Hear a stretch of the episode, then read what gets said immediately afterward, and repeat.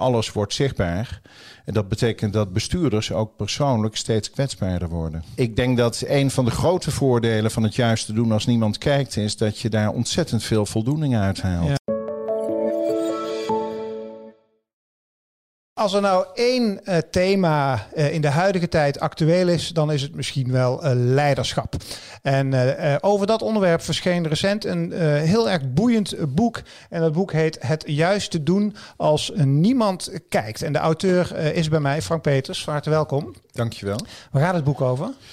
Het boek gaat over integriteit en over lessen uit de filosofie en de ethiek voor leiders van nu. Ja.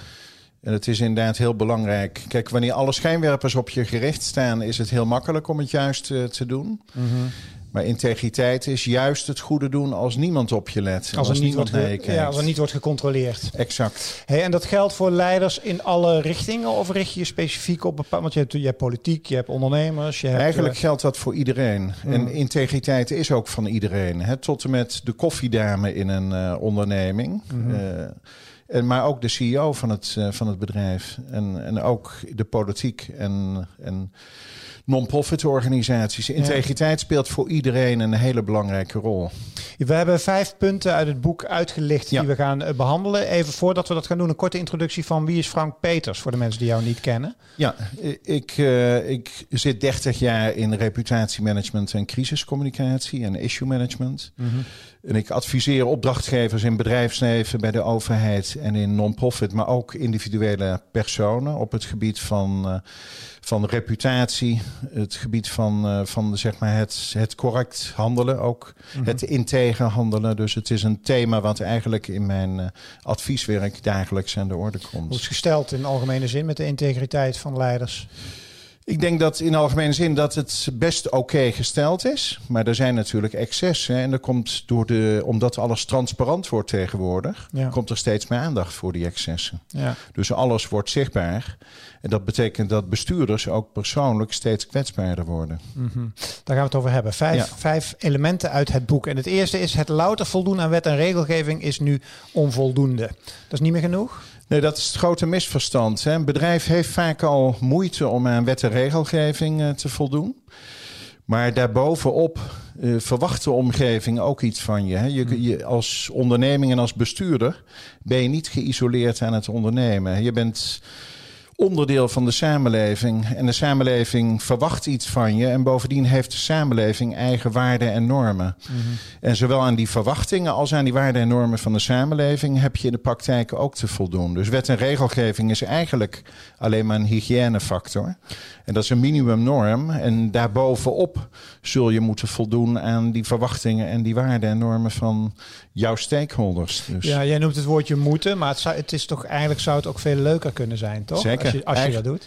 Als, ik denk dat een van de grote voordelen van het juiste doen als niemand kijkt, is dat je daar ontzettend veel voldoening uit haalt. Ja, ja, ja. Um, want je zegt de, het voldoen aan wet en regelgeving is al lastig. Geldt dat voor, is dat voor ondernemers lastig? Om Zeker, ja. Kijk, kijk naar de afwijkingen die er, uh, de, de witwasaffaires bij, uh, bij banken, bijvoorbeeld fraudes die in, uh, in bedrijven plaatsvinden. Dus er zijn heel veel situaties in de praktijk op dit moment al, waarin eigenlijk al die wetgeving overtreden wordt. Kun je een verschil aangeven als het gaat om integriteit tussen zeg maar, grote ondernemingen en kleine ondernemingen? Eigenlijk is dat verschil niet relevant. Want integriteit, uh, ieder vraagstuk heeft, is ook een integriteitsvraagstuk. Want integriteit betekent eigenlijk dat jij door een, door een besluit wat je neemt, een belang van een ander potentieel zou kunnen raken of schaden. Hmm. En als dat in de praktijk gebeurt, wordt dat gezien als niet integer.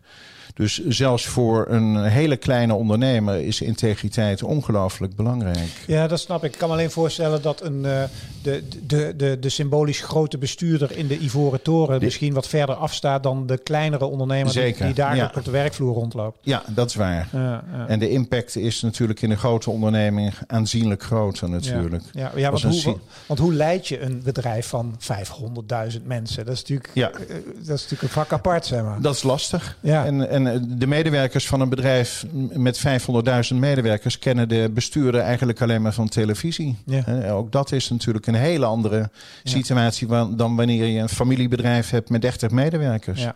Die jou dagelijks zien en die jou ook als voorbeeld zien. Een CEO van een hele grote multinationale onderneming, dat blijkt ook uit onderzoek, is eigenlijk niet het voorbeeld voor de werknemer. Het is de direct leidinggevende die het voorbeeld is, ook op het punt van integriteit.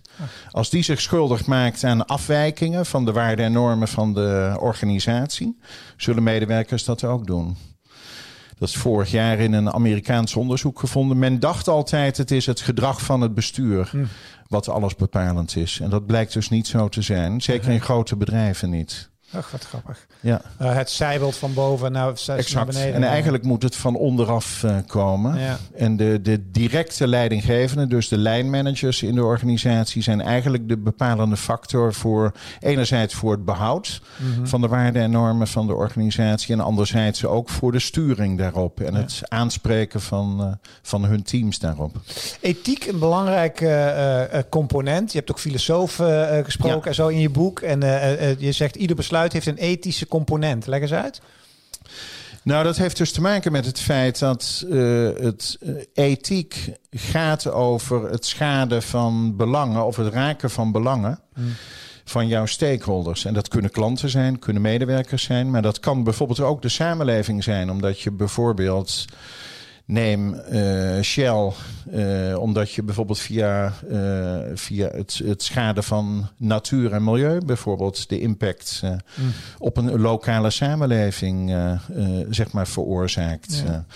Dus uiteindelijk is ieder besluit wat je neemt, als jij morgen als een, als een energiemaatschappij ergens een windmolen plaatst, dan schaadt je daarmee eigenlijk, en dat doe je vlakbij een woonwijk, dan schaadt je daarmee het belang van, van de bewoners in die woonwijk. En daardoor ontstaat er in de ogen van de ethiek, ontstaat er daarmee een integriteitsvraagstuk. Maar je hebt natuurlijk ook heel veel kleine besluiten die je neemt Zeker. als leider. Hè? Ja. Zit daar ook altijd een ethische Er component zit altijd een ethische component in. Bijvoorbeeld als jij eh, de een in je organisatie een promotie geeft, terwijl de ander er net zoveel recht op heeft, Ja, ja, ja. dan schaadt je daarmee alweer het belang van een andere medewerker in je organisatie. Want het zegt iets over hoe jij denkt over dingen. Is exact. Dat het? Ja. Zoals dat je bij de ene bedrijf aankomt en de beste parkeerplaatsen staat het bordje Voor de directeur. en bij de andere staat het bordje eh, klanten. Ja, ja, ja. ja. En als je inderdaad de beste plaatsen reserveert voor jezelf, dan schaadt je daarmee feitelijk ook weer een belang van je gasten die, Ja. eh, die komen. Ja. ja. Ja, ja, ik word er altijd heel obstinaat van. Ja, dat- zeker. ik parkeer daar altijd eigenlijk. Ehm, de derde, eh, kom uit de bubbel. Weet wie jouw stakeholders zijn en creëer waarde voor iedereen. Ja, eigenlijk een heel belangrijk probleem waardoor integriteitsvraagstukken eigenlijk escaleren. Is omdat de, de, de bestuurders van organisaties eigenlijk vooral met hun eigen organisatie en met zichzelf bezig zijn.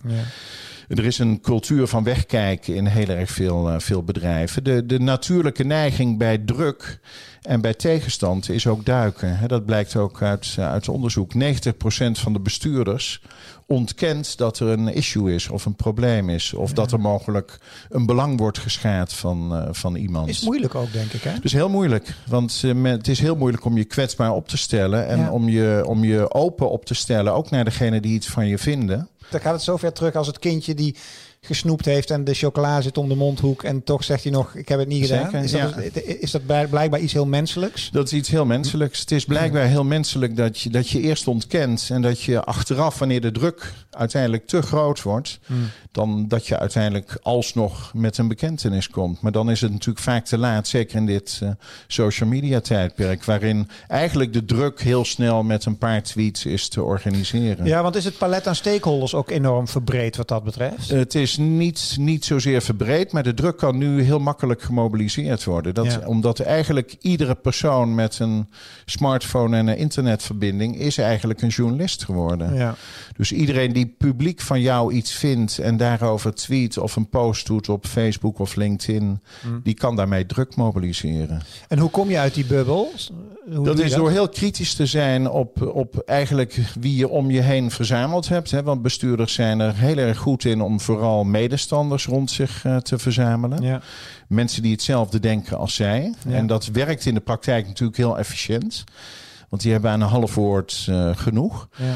Maar in het kader van de blik op buiten richten en de buitenwereld naar binnen halen, werkt dat niet altijd uh, even goed. Dus een van de technieken om dat te doen is door te monitoren. Hè, door, door social media monitoring te doen. Uh, door, door sentimenten ook naar binnen te halen. Door bijvoorbeeld een tegenspreker uh, te betrekken. Dus een adviseur, dat kan een jurist zijn. Dat kan een reputatieadviseur zijn. Dat kunnen verschillende mensen zijn door, door hen te vragen te reflecteren op jouw handelen. Of wanneer je een belangrijk besluit gaat nemen, dat besluit ook eerst aan, eh, aan hen voor te leggen. Ja. Maar het zit ook in het, in het echt het, het nagaan van wie zijn nu voor jou de belangrijke stakeholders. En het gesprek met hen aangaan. Mm. En ze gewoon heel direct vragen: wat zijn je verwachtingen? Hoe kijk je tegen mij en tegen mijn organisatie aan? En wat verwacht je van me? En, en hoe vind je op dit moment dat we daarop uh, acteren? En gebeurt dat genoeg? Die interactie wordt eigenlijk nauwelijks uh, gezocht. Men, uh, men zoekt die interactie vooral met medestanders. Hm waar je geen tegenstand van te duchten hebt. En men vindt het spannend om met tegenstanders in gesprek te gaan, dus met andersdenkenden. Terwijl je die wel tegenover je vindt op het moment dat je afwijkt van wat er van je verwacht wordt. hoe zou je dat concreet moeten vormgeven dan? Ik ben, stel ik ben leidinggever van een, echt een groot bedrijf. Hoe geef je zoiets vorm dan? Ik zou dat bijvoorbeeld vormgeven door, door eerst de analyse te maken van wie zijn je stakeholders, welke positie hebben ze ten opzichte van jouw organisatie. Hmm. Neem bijvoorbeeld een vakbond of een maatschappelijke organisatie organisatie als, als Greenpeace of een politieke partij die misschien andere standpunten heeft dan jij. Maar actief uitnodigen en actief uitnodigen, het gesprek aangaan, uh, dilemma's benoemen waar je, waar je ook mee zit. Het, het, het, het, het, echt het spreken met hen over de verwachtingen die ze hebben van jou, uh, jouw organisatie. En vervolgens kijken op welke wijze je daaraan kunt voldoen. En dat gesprek moet gestructureerd worden. Dus het is niet zo dat je door dat eenmalig te doen, dat je daarmee klaar bent. Nee, en een ander belangrijk ding is, is dat je leert van eigenlijk je morele besluiten. Als jij een keer de mist in gaat, omdat je bijvoorbeeld toch gebruik hebt gemaakt van de NOW, terwijl je een paar miljard op de bank had en er is veel commotie ontstaan leer van dat, leer van die situatie. De, de, de filosofen die ik sprak eh, voor dit boek, die spreken over uh, prudentie. Dus eigenlijk moet je al je morele besluiten uiteindelijk ook vastleggen in de organisatie. Ook als je het uiteindelijk hebt moeten herstellen. Zodat bij een volgende situatie je daarop kunt terugvallen en dat je daarvan kunt leren. Eigenlijk is morris prudentie een soort moreel geheugen wat je opbouwt voor de organisatie. Hoe goed is de mens van nature? ik ga er wel vanuit dat de meeste mensen deugen. Maar in de, pra de praktijk is helaas wel iets weerbarstiger in de praktijk. Als je kijkt gewoon naar het aantal integriteitsschendingen. Hè? Ook MeToo-situaties in bedrijven en, en, fraudes die plaatsvinden. Dus uiteindelijk zie je, en dat, dat komt erg toch door de situatie... dat heel veel bedrijven en ondernemers toch gericht zijn op korte termijn uh, winstmaximalisatie. De aandeelhouder staat er eigenlijk altijd nog voorop. Terwijl de stakeholderomgeving uit veel meer stakeholders bestaat dan alleen die aandeelhouder. Dus. Ja, ik, heb wel, ik heb wel het idee dat we in een beweging er zit een beweging. En dat is heel, daarom ben ik ook optimistisch. Ja. Want je ziet dat de organisaties zich bewuster zijn van, van de andere belangen en de andere verwachtingen. Maar ze hebben nog wel een weg te gaan, want de aandeelhoudersdruk die blijft wel heel erg groot. Ja. Dus uh, men verwacht gewoon dat, dat, dat er op dat punt uh, voldaan wordt aan, aan de financiële verwachtingen. Ja. En de verwachtingen van andere aandeelhouders en van andere stakeholders, die, die kosten ook vaak wat meer tijd, inspanning en soms ook geld. Ja. En als de omgeving van jou verwacht dat je verduurzaamt als organisatie, betekent dat je structureel moet investeren daarin. En dat je dingen echt anders zult moeten ja, doen. Integriteit kan en goed doen kan geld kosten. Zeker. Ja, ja. Aan de andere en kant, dat uh, kost het heel vaak ook. En het kost energie. Ja. Want als jij het gesprek met de omgeving moet aangaan, betekent het ook dat je daarin zult moeten investeren. Ja, ja en dan moet je ook, ook menen. tijd en energie. Ja, want als je met dat soort partijen gaat zitten vanuit zoiets nou, het is een motje en ik doe het wel even. Dan, dan is het klaar. Dan werkt het averechts ja, En dat wordt onmiddellijk doorzien. En dan levert het je helemaal niets op in de praktijk. Nee. Hoe zorg je voor een integere cultuur? Uh, want dat is een van jouw adviezen in, de, in de top 5, zeg maar. Hoe doe je dat? Ja, eigenlijk zul je ervoor moeten zorgen dat heel duidelijk is waar jij voor staat als organisatie. Hè? Dus je moet nadenken over wat, wat, wil ik betekenen voor mijn omgeving. En niet alleen dus voor je aandeelhouders, maar dat, dat is wat zo mooi de why genoemd wordt ja. uh, door Simon Sinek of de purpose van je, van je organisatie. Ik noem dat eigenlijk gewoon het organisatiedoel. Ja. En dat doel moet eigenlijk gericht zijn op de omgeving. Hè? En daarnaast moet je nadenken over wat is mijn missie en mijn visie, maar ook wat zijn de waarden en normen die we voorstaan in de organisatie. Ook de omgeving, ook commerciële klanten, die kiezen steeds vaker organisaties die zij qua waarden en normen dichtbij hen vinden staan. Ja. Zeker de jonge klanten doen dat steeds vaker. Ja, er is nu een discussie gaande over de beursgang van Deliveroo, hè, die heel ja. erg tegenvalt. Sommige beursexperts zeggen dan ja, dat is gewoon de markt. Maar er is toch een grote groep mensen die zeggen van, ja, dat heeft toch ook te maken met, met die cultuur van, uh, van Deliveroo. Ja. Geloof jij daarin? En ook met integriteit inderdaad. Ja. Want daar speelt natuurlijk heel erg het betalingsissue en het werkgeverschap van, uh, van de bezorgers. Ja. Dat is een onderwerp waarop zeker ook uh, een organisatie bekeken wordt. Ik denk dat het een heel mooi voorbeeld is, inderdaad. Ja, ja, um, moet, is, is het zaak dat je als ja, ik heb, ik heb altijd gezegd van ik vind het enorm leuk als bedrijven idealisme en commercie proberen te combineren. Juist vanwege ja. die spanning. Is het belangrijk dat elk bedrijf dat, dat idealisme, noem ik het maar even, vorm geeft? Ja, ik denk het wel. Hm. Je hoeft het misschien niet eens uh, idealisme te noemen. Nee. Maar ik denk dat het heel belangrijk is voor jezelf. Want dan kom je eigenlijk op dat punt dat het ook gewoon leuk is om, om goed te doen. Ja, want dat is richting het laatste punt inderdaad. Hè? Want dat is, en wat dat je is een hele mooie brug uh, ja. eigenlijk daarna. Ik denk dat je daar ontzettend voor je organisatie, voor, voor, je, voor je team, voor het motiveren van mensen, maar ook het, het, zeg maar de, de samenwerking met stakeholders, dat, dat je daar heel erg veel energie en plezier uit haalt. Juist als je, als je dat idealisme in je hebt. Ja.